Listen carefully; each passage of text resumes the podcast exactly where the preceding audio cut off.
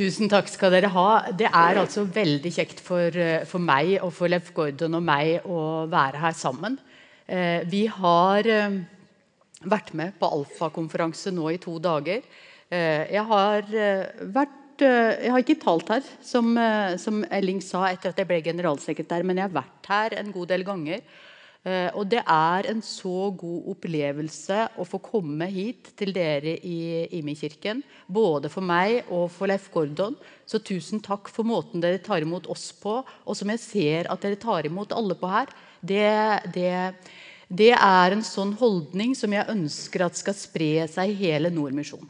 Så rause skal vi være i møte med mennesker rundt oss. Uh, vi skal spre godhet rundt til alle andre mennesker i Norge.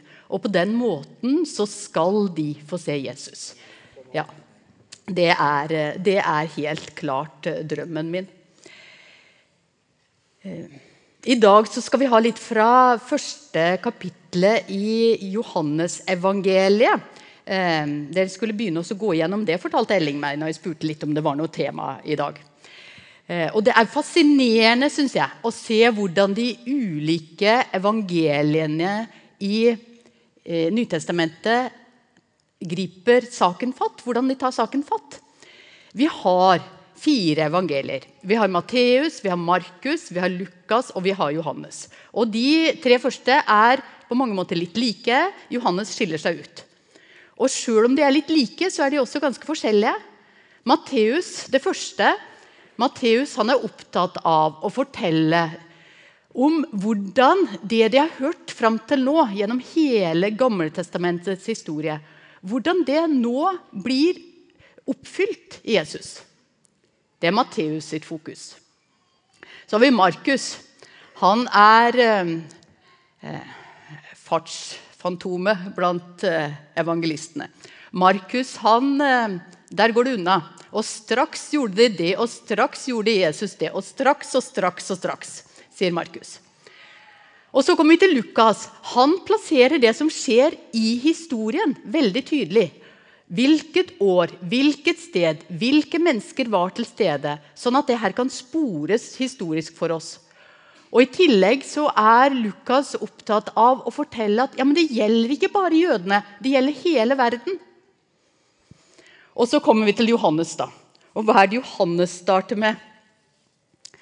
Jo, han starter på en måte langt der ute med et filosofisk begrep. Logos heter det på gresk. Ordet står det i vår oversettelse. Han begynner med et filosofisk begrep, og ikke et hvilket som helst. Han begynner på en måte med det som var eh, snakkisen. Eh, kanskje ikke snakkisen på den måten at eh, når man gikk på dagens Rema og handlet to liter melk og et brød, så snakket man om det. Men eh, et begrep som alle, som alle lærde, alle filosofene, eh, alle som var inne i den tenkningen, snakket om. Logos, ordet. Det starter Johannes med. Og logos Jeg skal lese første vers her. I begynnelsen var ordet, logos altså. Ordet var hos Gud, og ordet var Gud. Og det her, når de hørte det ordet, hørte ordet ordet, så hørte de på en måte fire ting. Altså sjølve ordet. F.eks. når jeg sier ordet ektefelle, så er det et ord. Men samtidig så dukker det opp et bilde. For meg dukker bildet av min kjære opp. Eh, tanken bak, hørte de. Så hørte de fornuften bak tanken. Og det siste, den fjerde betydningen som Johannes da spiller på her, var verdensfornuften. Logos som en verdensfornuft, et prinsipp som ga mening og bandt alt sammen. Alt det ligger i det uttrykket, i det ordet. Og så gjør altså Johannes det kunststykket at han sier Hør her! Det ordet, det begrepet som dere kjenner til, det er Gud, det. Det er Gud. Det er den høyeste Gud. Johannes tar altså, De hadde skjønt kanskje så mye av logos, og så sier Johannes nei, men det er alt det her. Og på motsatt side så utvider Johannes vårt begrep av Gud og sier Gud er ikke, det er ikke så smalt. Det er alt det her. Alt det er Gud.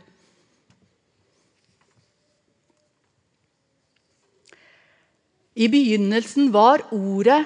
Ordet var hos Gud, og ordet var Gud. Han var i begynnelsen hos Gud. Og der hører vi nei, det er ikke noe prinsipp. Det er ikke et styrende prinsipp, sånn som de tenkte om logos. Det er en person. Alt er blitt til ved ham. Uten ham er ikke noe blitt til. Altså logos, ordet, er skaperen bak absolutt alt som finnes. Det som ble til i ham, var liv, og livet var menneskenes lys. Liv i ordet, altså, som var Gud, som er Gud, så ble alt liv, er alt liv blitt til. Og Her møter vi Johannes' måte å skrive evangeliet sitt på. Han går i sirkler, der de andre evangelistene kanskje i litt større grad går fra et sted og til et annet et. Så går Johannes mange ganger sånn i runder. Og så trekker han inn begreper, og så forklarer han. Og så får vi forskjellige nivåer i det som han eh, skriver og det han forteller om. Også her. Og jeg er av de som kan synes at det er ganske morsomt å være med inn i en sånn tankegang. Litt sånn det som tar av litt og ja, eh, Litt sånn høytravende. Bare tenke litt. Men Johannes her, som de bibelske forfatterne i det hele tatt, har egentlig en litt sånn irriterende evne til å få oss helt ned på jorda. Helt til det konkrete. Det er livet det handler om her. Lys og liv er to av hovedordene i hele Johannesevangeliet. Og vi begynner med liv. Det som blir til i ham, var liv, og livet var menneskenes lys. Her snakker nok Johannes igjen på to nivåer. Han snakker om det vanlige livet, det vi lever her og, på, her og nå på jorda. Det livet har vi fått fra Gud. Alt er blitt til ved ham. Og så langt så er mange av oss med. Men veldig mange av oss lever i den vrangforestillingen at ja, vi blir unnfanget, og den dagen som de her små babyene som vi så her, den dagen så fikk vi liv fra Gud, men så lever vi med det mer eller mindre i oss sjøl fram til vi dør der framme en gang. Altså denne perioden mellom at jeg ble unnfanget og at jeg dør, da bærer jeg på sett og vis livet i meg sjøl. Og det er jo fullstendig feil. Det er like dumt å si det som å snakke om varme klær. Jeg vet at her har dere også hatt en periode, en ordentlig kuldeperiode. Og hvis du for en del dager siden når det var sånn minus 10-12 grader, hadde tatt den varmeste jakka du hadde, og lagt den ut og tatt den inn igjen etter en halv time, hvor varm tror du den jakka ville vært da? Altså, Varme klær er varme idet de låner varme fra kroppen vår. Og på samme måten så har vi livet fordi vi låner det fra Gud. Fordi vi får det fra Han. Hele tiden får vi livet fra Gud.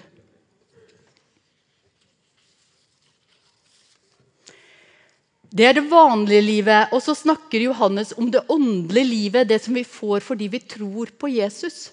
Og vi får det bare der. 'Jeg er veien, sannheten og livet'. Dette er et viktig ord for Johannes. De andre evangelistene de bruker himmelens rike eller Guds rike. Johannes han snakker om liv, og han snakker om evig liv. Et liv som vi får her når vi tror på Jesus, og som varer for all evighet framover.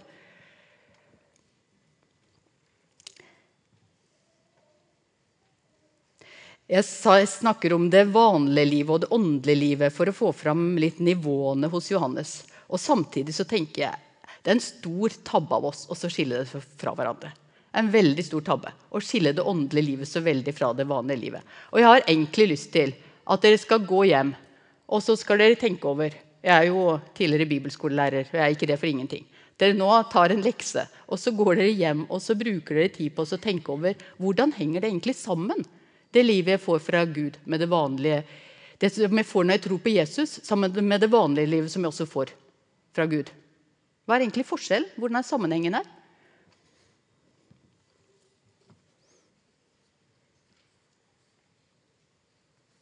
Og så kommer vi altså til det uttrykket i vers 4 her.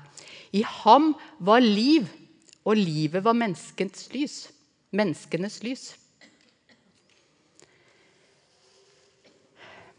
Hadde det enda stått motsatt? Hadde det enda stått det var, Han var lyset i livet vårt. Altså Logos, ordet, var lys i livet vårt. Men det er ikke det det står. Det står at livet, livet var menneskenes lys. Det er jo helt bakvendt. Hva i all verden betyr det? Vi skal komme litt tilbake til det, men vi må se litt på lys, lys først. Hva det betyr. Det betyr selvfølgelig det opplagte. Altså at mørket det blir lyst istedenfor at det er mørkt. Jeg har, ehm, Av og til så drømmer jeg om at noen skal lage et digitalt Nytestamente som er sånn at når vi kommer til sånne steder som det her, så blir det blått sånn når du fører musepekeren over. ikke sant? Og så kan du klikke deg bakover i Gamle testamentet, og så kan du se alle ting dette her henger sammen med. Det, det, det håper jeg noen finner opp snart. Eh, når vi kommer til lys her, og i hele tatt i hele den teksten her, så vil det, bli, vil det blitt mange sånne blå steder, sånn at man kan klikke seg bakover og få sammenhengene. Og med lys med lys her så har de nok hørt fire forskjellige, det er fire forskjellige betydninger som klinger med. For det første, I Gamle testamentet så var lys det var velstand. Lykke, velstand, sto det for i Gamle testamentet. For det andre, når de hørte lys, så tenkte de på loven. Altså de ti budene som Moses fikk av Gud, men også alt da som det var ut, eh, hva heter det, utmyntet i, alt som var skrevet rundt det, de fem Mosebøkene. Så hørte de eh, litt det etiske, forskjellen mellom rett og galt. Og så altså det siste som jeg startet med, det litt opplagte. At når du skal finne veien din, og gå et sted, så er det veldig vanskelig hvis det er stummende mørkt. Alt det her sto lys for. Og Jesus er altså lyset. Senere i evangeliet så sier Jesus om seg sjøl at han er verdens lys. Og når han sier det, så bruker han det ordene, de ordene som Gud bruker om seg sjøl når han skal presentere seg sjøl. Når Gud sier at 'jeg er Gud', 'jeg er den som er', når han bruker de ordene som viser at han er den eneste som ikke trenger å henvise til noe annet enn seg sjøl for å fortelle hvem han er De ordene bruker Jesus når han sier 'Jeg er verdens lys', 'Jeg er livet'. Men hvorfor står det 'livet var menneskets lys'? Og Nå skal jeg prøve å forklare noe som jeg knapt nok skjønner sjøl. Så nå må dere følge godt med. Eh, og jeg tror kanskje det her er det viktigste jeg skal si i løpet av denne talen. her. Å tro på Jesus er ikke noe som vi først og fremst gjør med hjernen vår. Vi ser det jo veldig godt når de barna her nå har blitt løftet inn i Guds armer og fått troen i en gave. Troen er først og fremst et liv sammen med Han. Troen er noe jeg lever. Og det livet er lys for meg i alle de her betydningene av det. Da ser jeg så langt rundt meg som Gud mener at jeg trenger, men så går jeg hånd i hånd med Han som ser alt, og som ser det jeg ikke trenger å se. Da lyser livet med han opp. Da lyser livet opp for meg. Både hvor jeg skal gå, hva som er rett og galt, hva som er godt og vondt. Og det er lykken, velstanden, inni livet mitt.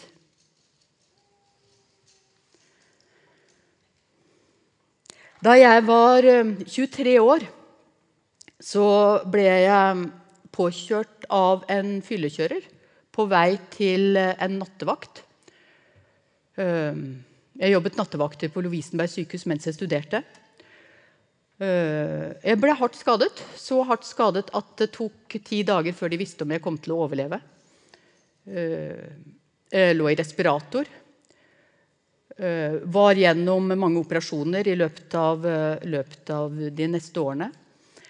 Men der, den perioden der, når jeg lå der og Som jeg ikke husker for så vidt noe fra, men jeg lå og kjempet med, med livet Så var det allikevel noe som lå igjen etterpå. Og det var en erfaring av at de som satt ved siden av senga mi, det var mor og far. De, de kom, og de satt der hele tiden. De måtte slippe taket i meg. Og så gikk jeg på en eller annen måte videre mot noe annet. Jeg har ingen bilder, ingen lyder, ikke noe lys, som jeg har hørt at andre har fortalt om. Men jeg har en enorm fornemmelse av at det var der jeg hørte til. Da møtte jeg Men her er det. Her er alt som finnes, som er godt samlet. Og her, her hører jeg til. Så kommer jeg tilbake til, til eh, livet. Men det finnes her allerede nå. Det er det jeg skal møte en gang når livet mitt tar slutt og jeg kommer over på den andre sida. Så møter jeg alt det her. Men det finnes her allerede nå. Allerede nå så kan jeg kjenne på det, leve i det. Jeg får faktisk lov, akkurat så mye som jeg vil, til å leve i det. Jeg har lett for å være travel. Det handler ikke bare om å være generalsekretær. Det handler om meg som type også. Uh, og jeg kan bli så innmari trøtt av meg sjøl på det der. Men jeg vet at jeg når som helst, hvor som helst, kan sette meg rolig ned. Og så kan jeg vite Jeg trenger ikke å tenke meg, men Jesus er der faktisk. Det er ikke noe jeg trenger å innbille meg, men fordi jeg tror på han, så er jeg en del, så har jeg livet fra han. Så er jeg en del av hans rike, som Markus og Lukas ville sagt det. Og så er han der ved siden av meg, og så kan jeg få kjenne denne tilhørigheten. Sankt Josef-søstrene i eh, Oslo, på Grefsen, eh, har et rit. Og på framsiden av programmet deres så står det 'La Gud elske deg'. Å sitte der, bare sitte der helt stille og vite og kjenne etter og rett og slett la Gud elske meg. Og det, det er alle. Det er absolutt alle velkomne til. Om du aldri har prøvd, så prøv det i dag.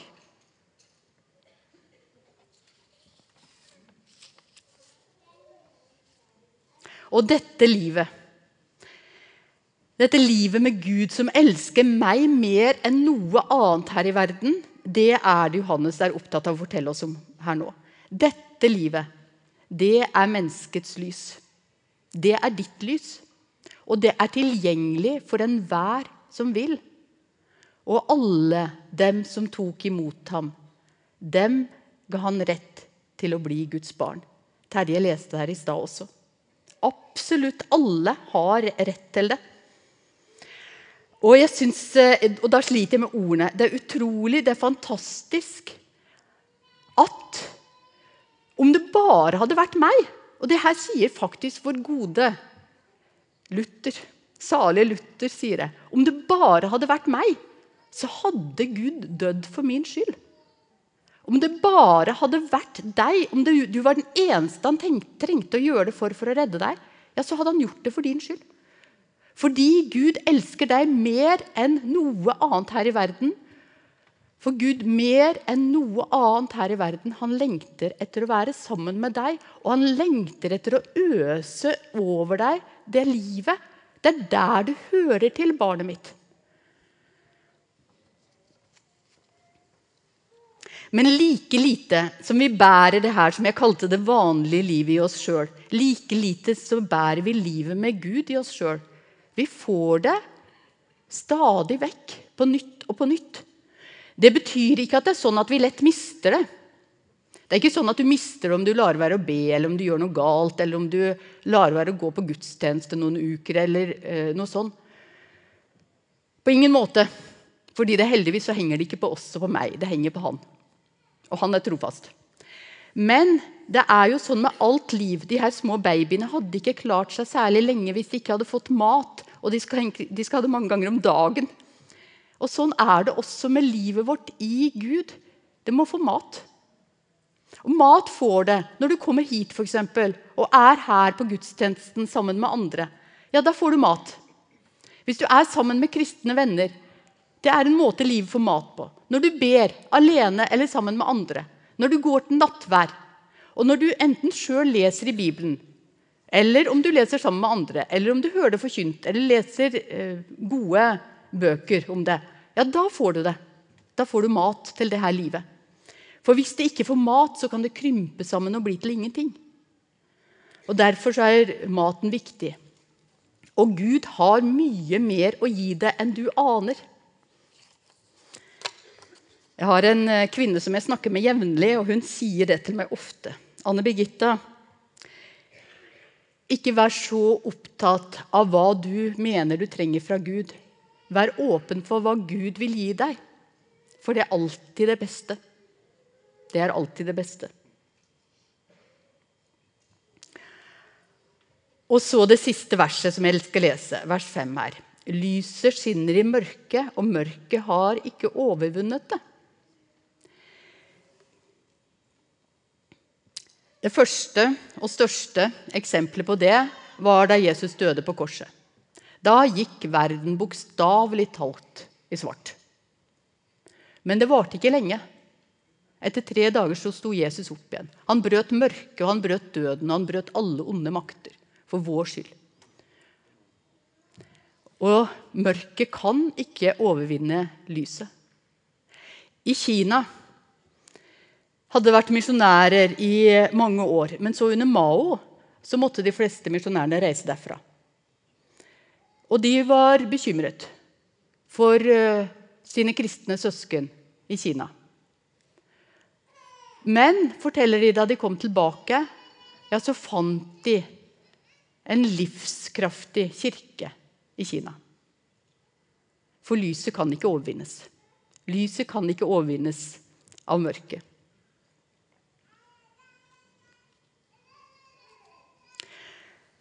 Fordi det livet og det lyset, det kommer fra Han. Fra Han som er kall det gjerne det eneste fastpunktet som finnes i verden. Og derfor så holder det. Uansett holder det. Fordi han holder. I Gamle Testamentet så bruker de mange ganger ord som berg og borg og fjell. Det fasteste vi kan tenke oss. Og det holder fordi han holder. Ti år etter eh, at jeg var ute for den trafikkulykken og den gode opplevelsen som jeg hadde da, så holdt det aller meste på å gå i stykker for meg. Vi hadde to små barn.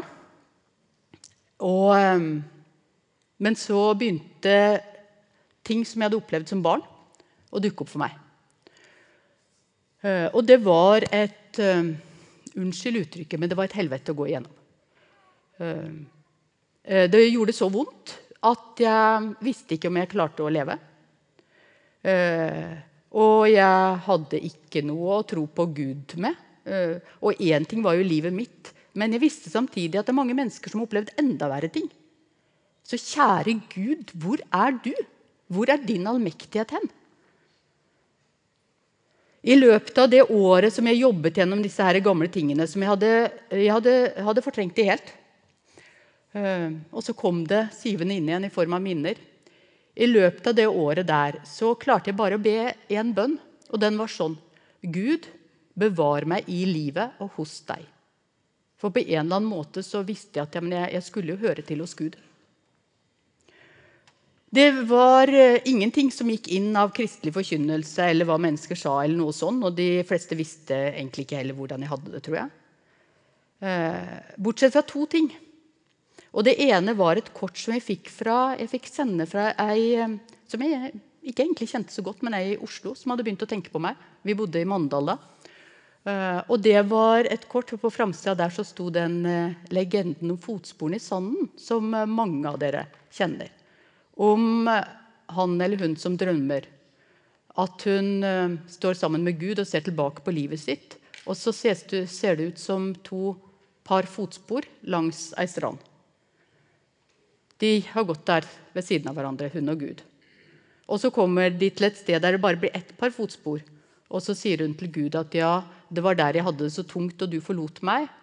Og så svarer Gud at nei, det var der du hadde det så tungt, og jeg bar deg. Det gikk inn. Det andre var en eldre venn av oss. Jeg møtte han, og han kan umulig ha visst uh, hva som hadde vært for meg det året. Men han så på meg, og så mens tårene rant, så sa han Anne Birgitta, når jeg ser tilbake på livet mitt, så ser jeg at den gode mesteren har vært der hele tiden. Og det hadde han. Gud, Gud holder. Gud forkoster oss aldri. Så finnes det da ingen fordømmelse for den som er i Jesus Kristus. Han holder. Amen.